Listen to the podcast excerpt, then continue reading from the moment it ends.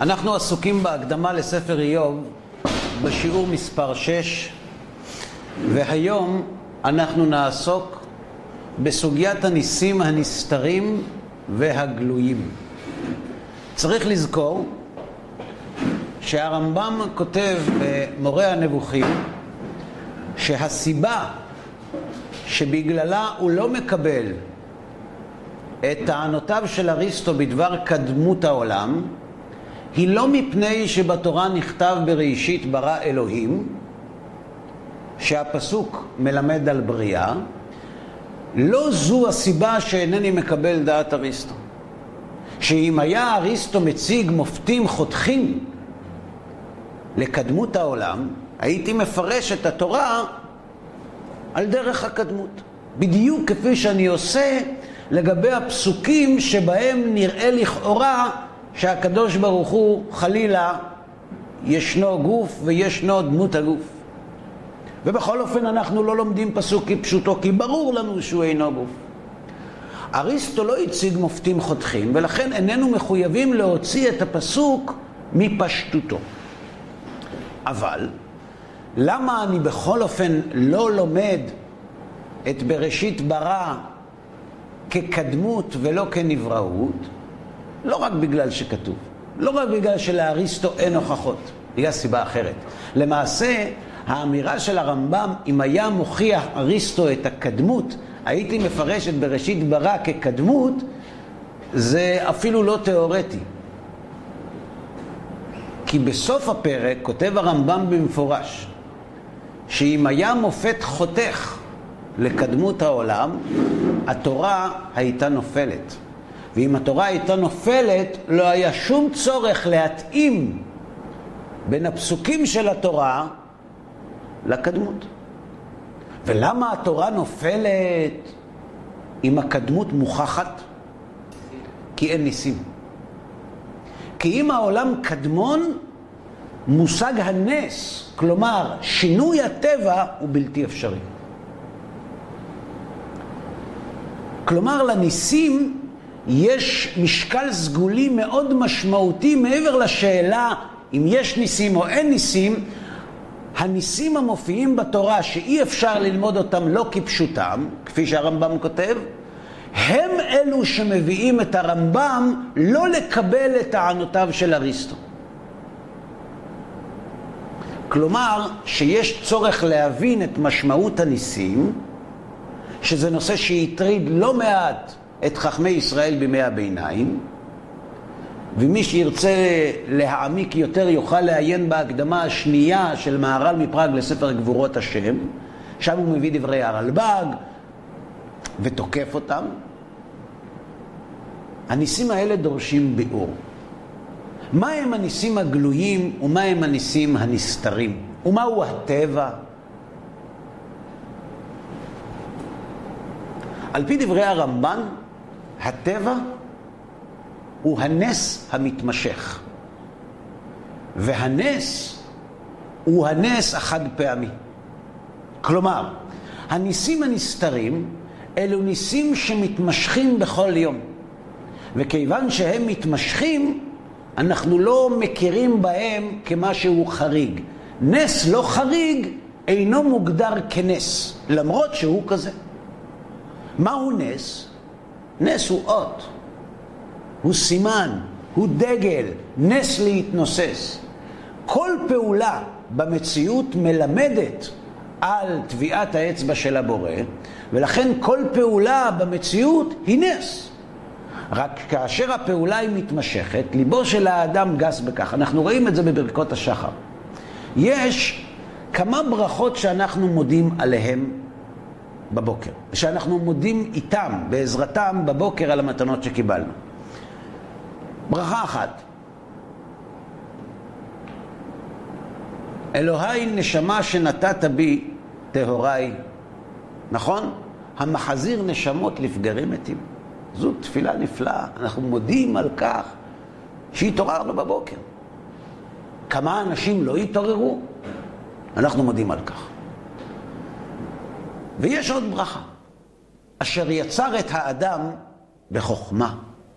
וברא בו נקבים, חלולים, גלוי וידוע לפני כיסא כבודיך, שאם ייפתח אחד מהם, אי אפשר להתקיים. אפילו שעה אחת. הופך כל בשר ומפליא לעשות. מה ההבדל בין ברכת אלוהי נשמה לברכת אשר יצר? נכון, ברכת אלוהי נשמה היא על הנשמה, וברכת אשר יצר היא על הגוף. אבל מה ההבדל בהודעה עצמה? כשאנחנו מודים על הנשמה שחזרה, אנחנו מכירים בכך שנתמלא חסרוננו. וכאשר חסרונו של אדם מתמלא, למעט מקרים קיצוניים, כל אדם שמקבל מתנה, שהוא מודע לכך שבלעדי נותן המתנה הוא לא היה מצליח לקבל אותה, הוא מודה. מודה בפה, מודה בלב, אבל הוא מכיר בעובדה שהוא מוגבל ולכן הוא זכה לקבל את המילוי שלו. כלומר, כל מילוי שאנחנו מקבלים שממלא את חסרוננו, ואנחנו מכירים בכך שלא היינו יכולים למלא אותו בכוחות עצמנו, אין לנו שום בעיה להודות עליו. יש הודעה מסוג אחר, שיותר קשה להרגיש אותה, שהאדם ליבו גס בה במתנה הזאת. וזו המתנה המתמשכת. כלומר, לא מילוי החיסרון, אלא התמדתו של המילוי. כשמישהו דואג שהמילוי שלנו יתמיד, אנחנו לא תמיד זוכרים להכיר בגדלות של הנתינה הזאת. אדם שהיה חולה והבריא, הוא, הוא נותן תודה לרופא. תודה גדולה. וככל שהמחלה הייתה קשה יותר, והסיכוי להחלים ממנה קטן יותר, והחשיבות של מקצועיות הרופא גדולה יותר, ככה קראת הטוב שלו מלאה. אתם יכולים לראות, שנלך רק תמיד לבקר יולדות בבתי חולים, אבל אתם יכולים לראות מחלקות, חדרים של רופאים מלאים במכתבי תודה שאלה שכתבו אותן, אין להם טיפת בושה להודות לרופא שריפא אותם. כי הם מכירים בעובדה שאלמלא הוא היה מתערב, הם לא היו כאן היום. ואין להם בושה להודות בכך. אבל יותר קשה למצוא אנשים שמודים למי שמשמר את הבריאות שלהם. אדם שהיה חולה והבריא, הוא מעריך יותר את הבריאות מאשר אדם שבריאותו מתמדת. נכון, כשהוא רואה חולים הוא אומר, ברוך השם, העיקר הבריאות, אבל הוא מדבר מן השפה ולחוץ, הוא לא חווה את עוצמת האמירה הזאת. זה ההבדל בין ברכת אלוהי נשמה לאשר יצר. אשר יצר זה, זו ברכה שמחנכת את האדם לא לקבל את הבריאות כמובנת מאליה. זה שהכל עובד, זה לא שגרה, זה נס, והוא מתמשך, אבל עליו אנחנו גם מודים. אז אנחנו מתחילים ממה שקל יותר. מודה אני לפניך, שהחזרת בי נשמתי. אבל ברכת אשר יצר היא ברכה שמחנכת את האדם להכיר בהתמדתו של הנס. וזה ההבדל בין הנס הגלוי לנס הנסתר. הנס הגלוי הוא נס שקורה בום, מין התערבות ב-DNA של היקום. קריעת ים סוף, מכת בכורות, ירידת המן. אבל יש ניסים שהם מתמשכים. הייתי פעם בסמינר של ערכים, סמינר למתקדמים. בא אליי בן אדם, סוף ההרצאה, אומר לי, כבוד הרב, אני חייב לספר לך, קרה לי נס גלוי.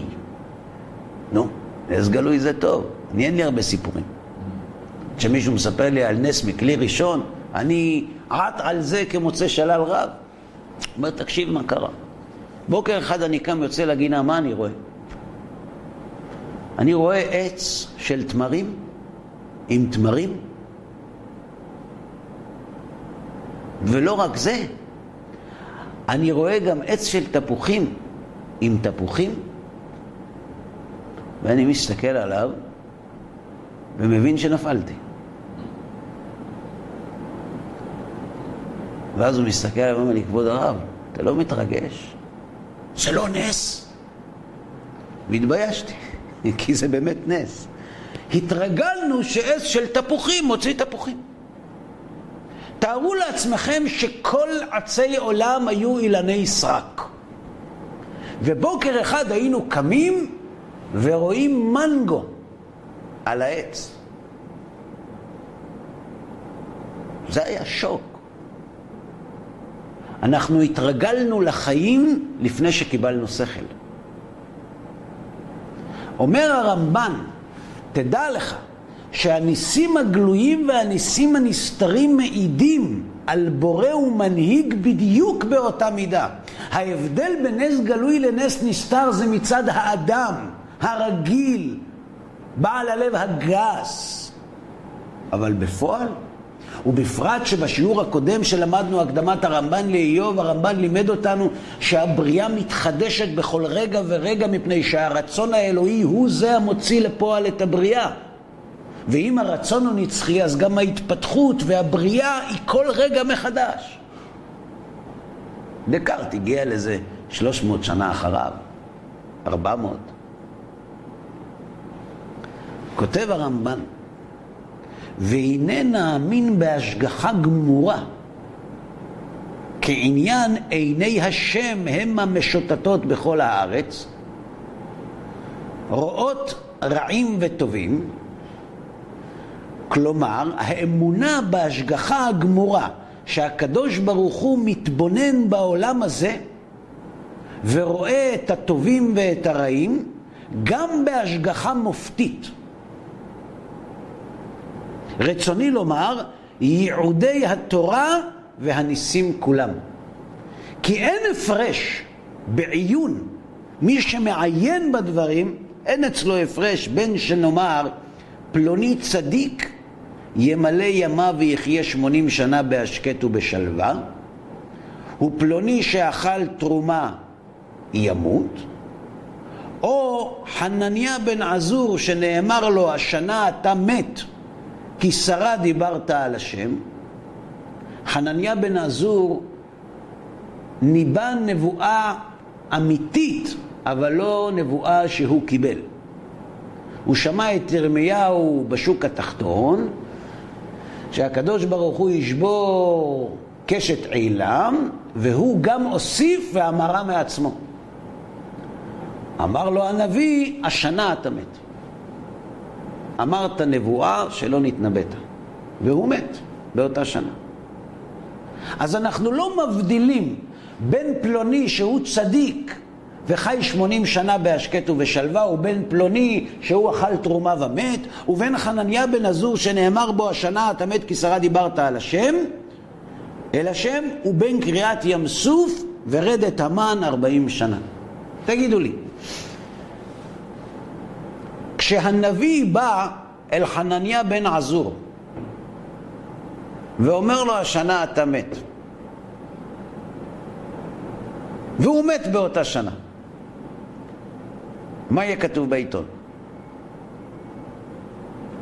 שמע, זה קורה שאנשים מתים? זה קורה. מי אמר לך שזה, שזה בגלל מה שהנביא אמר? נו באמת, אל תיתפס לזה, וחוץ מזה צריך להעמיד אותך לדין, פולצה דנורא. או שרואים אדם שהוא צדיק, והוא חי 80 שנה בהשקט ושלווה, ואחד אכל תרומה ומת. אז מה אומרים? אתה רואה? כשהוא אכל תרומה הוא מת. וזה צדיק, אז הוא חי. הרבה אנשים חיים 80 שנה, השקט ושלווה. לך הוכחה.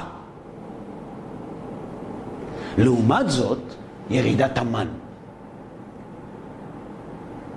אדם צדיק, המן מגיע לו עד הדלת.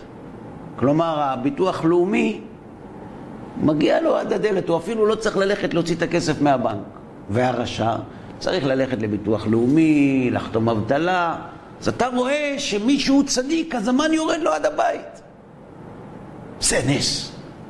או קריעת ים סוף. נו תראה, עם ישראל עובר, הים זז. עם, עם, ישראל יוצא, המצרים נכנסים, הים נסגר. נו, תזה, איזה, מה, זה מקרה? זה נס.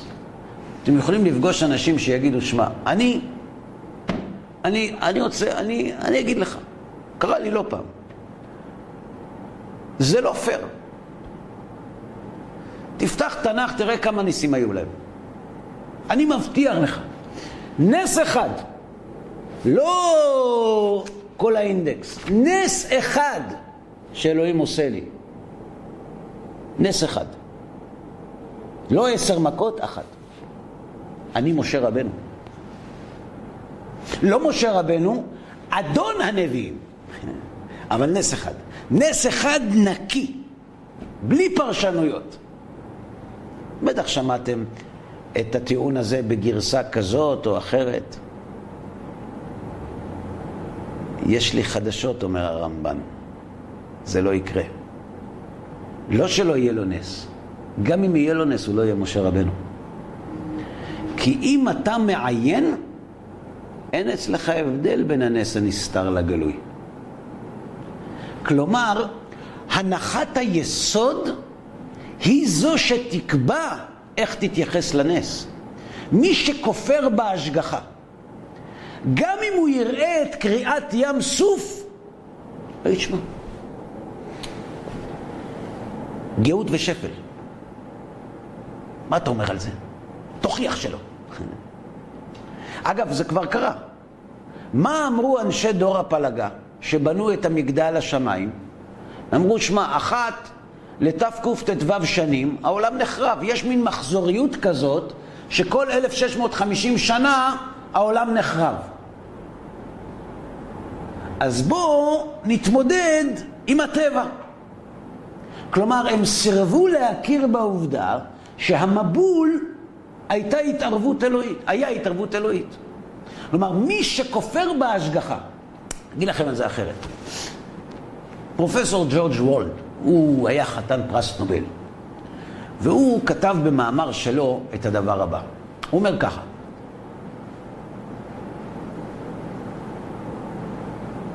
יש שתי אפשרויות שהעולם נוצר, או בריאה אלוהית, או אירוע אקראי.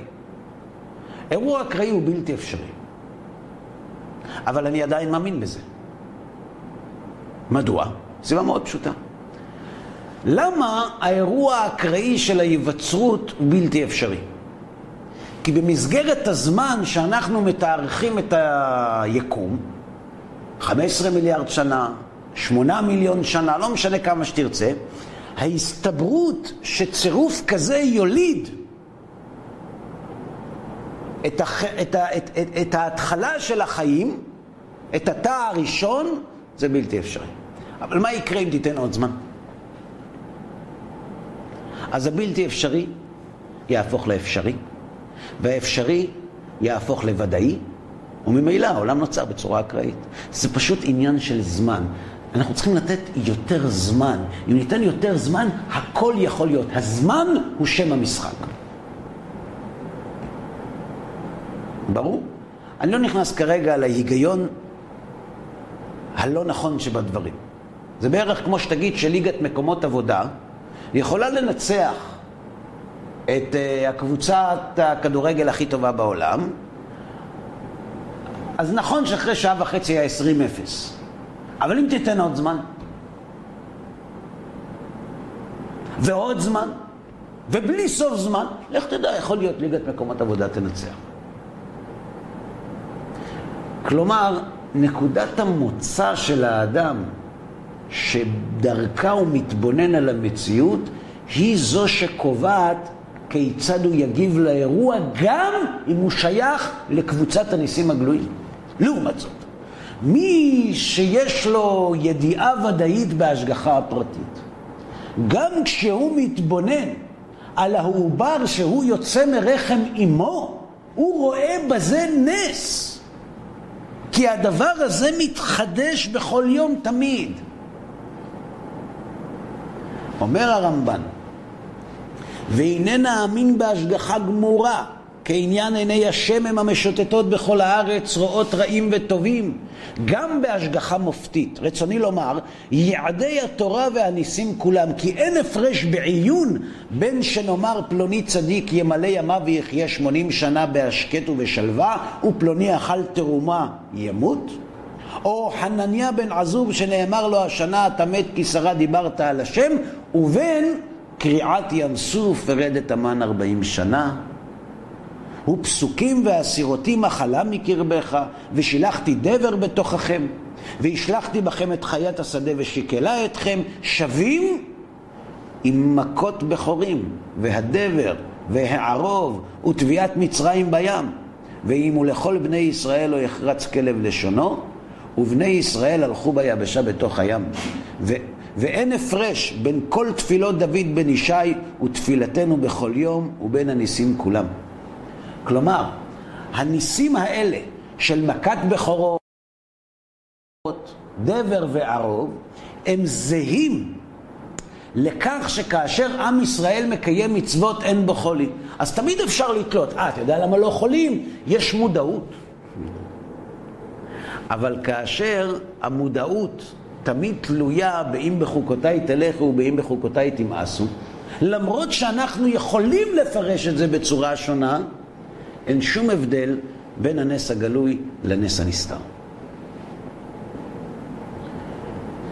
כי אם נאמר בטבע שהוא המכלכל הכל, לא מת אדם ולא חיה מפני זכות או חובה. ואחר שנאמין כי האל הכרית זה טרם בו יומו בטבע, הנה יד השם עשתה נס ושינתה הטבע בעיקרת הים לפני עדתו, וטבוע אויבינו בתוכו. ואין בין זה לזה רק בין הנסתר למפורסם. זאת אומרת, זה בכלל לא משנה אם אתה אומר הטבע. אה, אתה יודע למה הוא מת? כי הטבע, נכון, הקדוש ברוך הוא גרם לכך שבמסגרת הטבע האיש הזה יעזוב את העולם חלילה טרם זמנו בגלל מעשים שעשה. אבל אין בין זה לבין שינוי הטבע, נגיד את זה במשפט כזה. אין שום הבדל אצל המעיין בין התנהלות של שכר ועונש במסגרת חוקי הטבע לבין התנהלות של שכר ועונש שהיא מעבר לחוקי הטבע. ההבדל הוא רק אצל האיש שאינו חושב, אלא חווה, אלא מרגיש. ואצל החווה החושני, כל דבר שהוא יוצא גדר הטבע הוא מתלהב. אתן דוגמה.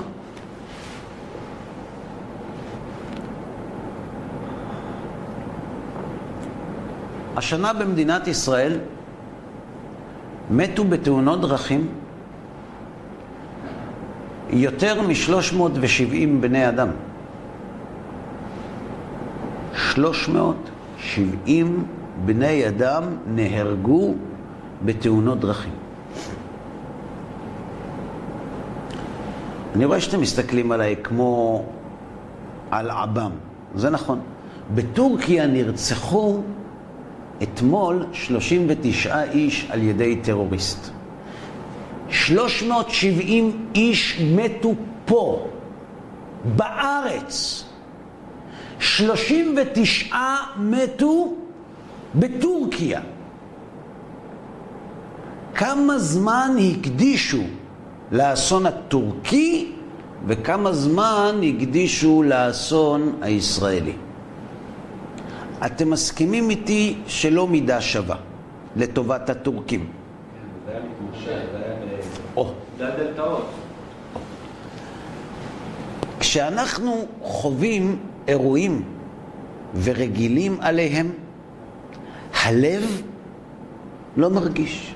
הלב מרגיש דברים גדולים, לא שגרתיים. אז כשקורה משהו גדול ולא שגרתי, זה חזק. זה חדשותי. אבל דין פרוטה כדין מאה, מצד השכל. מצד הלב, יש הבדל אם אתה גונב 250 מיליון או חמישה שקלים. אבל מצד האמת, דין פרוטה כדין מאה. אז מי שחושב עם הדעת שלו, אין אצלו הבדל בין הנס שמתרחש בתוך כללי הטבע לבין נס שמתרחש מחוץ לכללי הטבע. היחיד שמתפעל מן השינוי הוא הלב, כי הוא עם השגרה מסתדר, היא לא מרשימה אותו, הוא צריך משהו גדול, יוצא מן הכלל, קריעת ים סוף.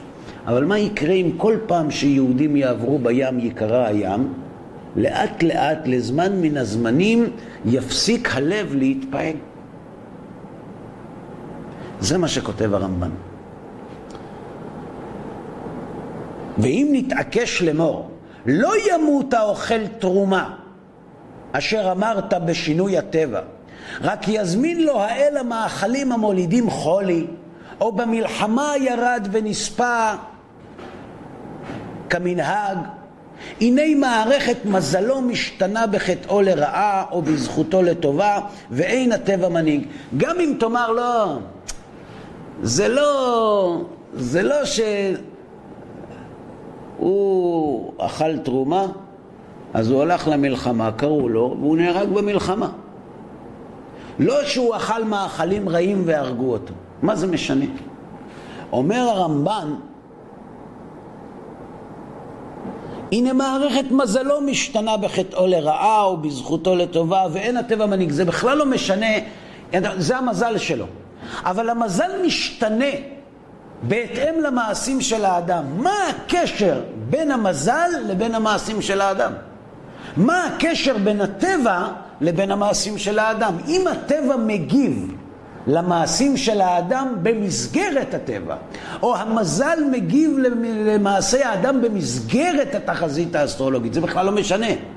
ברגע שאנחנו רואים שהמציאות מגיבה למעשי האדם, זה נס. כי אין קשר בין אכילת תרומה למוות. יש קשר בין אכילת מאכלים מקולקלים למוות, אבל בין אכילת תרומה למוות אין שום קשר. ועניין ונתתי גשמכם בעיתם, יפתח השם לך את אוצרו, אם והיו שמך אשר על ראשך נחושת, ייתן השם את הר ארצך אבק ועפר, כולם, כולם ניסים עומדים משנים התולדות וכוח מערכת העליונים בשמיים ובארץ, וכן יעדי הרבים לטובה או לרעה, כולם מופתים קיימים. ועל כן אמר הכתוב, והיו בך לאות ולמופת ובזרעך עד עולם. וכתיב וראו כל ימי הארץ כי שם השם נקרא עליך, בהיות טובתם בשינוי שאר העמים כולם. הרמב"ן אומר שגם אם אתה יכול לתת פרשנות טבעית לאירועים מסוימים, ברגע שהאירועים הללו מתמידים בלי קשר לסיבות הטבעיות, זה נס גלוי לא פחות מהניסים שחוץ לגדר הטבע. דוגמה, נצחיות עם ישראל. איך שרד העם היהודי? אה, תדע לך, העם היהודי שרד כי העם היהודי נותר נאמן לתורתו, וממילא לא יתבולל בעמים, וממילא הוא נשאר. נכון. ואיך תסביר את זה שעמים אחרים שכן היו דבקים בדתם נעלמו? אה, אז אני אגיד לך למה. כי הגויים שנאו אותם, אז הם לא יתבוללו. ולמה הגויים שנאו אותם? בגלל שהם היו אדוקים בדתם. באמת? אבל ראינו יהודים שלא היו אדוקים בדתם, ואז גויים שנאו אותם, לא פחות, אלא אפילו יותר מאשר אלו שהיו אדוקים בדתם. זה בגלל שהם היו מלווים בריבית. ואנשים שונאים מלווים בריבית, כי הם נחשבים מוצצי דם ועלוקות. זה אתה יכול להגיד על יהודים שילבו בריבית. אבל מה תאמר על יהודים שרצו מאוד להלוות בריבית, אבל לא היה להם כסף כדי לקנות אוכל, אז איך ילוו בריבית? וגם אותם שנאו. זה בגלל שהם היו עניים וחיו על חשבון משלם המיסים. וככה הוא הולך איתך ומוצא לך כל מיני תירוצים וסיבות, אבל דבר אחד הוא לא יכול להכחיש. שהגבייה הלאומית הזאת, ששכנה בחדר קירור אלפיים שנה, יום אחד קמה, התנערה מעפר וחידשה נעוריה. העם היהודי קם מן המתים. העם היה מת. היהודים לא, אבל האומה לא הייתה. והנה אנחנו יושבים היום במדינת ישראל. כן, תשמע, זה תהליכים. זה נכון. אני אגיד לך יותר מזה. גם אם המשיח ירד מהשמיים עם בית מקדש VIP, אתה תמצא לזה בסוף סיבה. תשמע, אחת לאלפיים שנה קורה דבר כזה. יום אחד יבואו המדענים החכמים וידעו להסביר איך עשו את זה. זה פירוטכניקה סינית. אומר הרמב"ן, האמונה בהשגחה הגמורה זה כאשר אין הפרש אצל האדם בין הנס הנסתר לגלוי. אם אצלנו יש הבדל בין הנס הנסתר לנס הגלוי, זה אומר שהאמונה שלנו בהשגחה אינה שלמה. מה הקשר בין זה לבין ספר איוב? על כך נלמד בעזרת השם בפעם הבאה.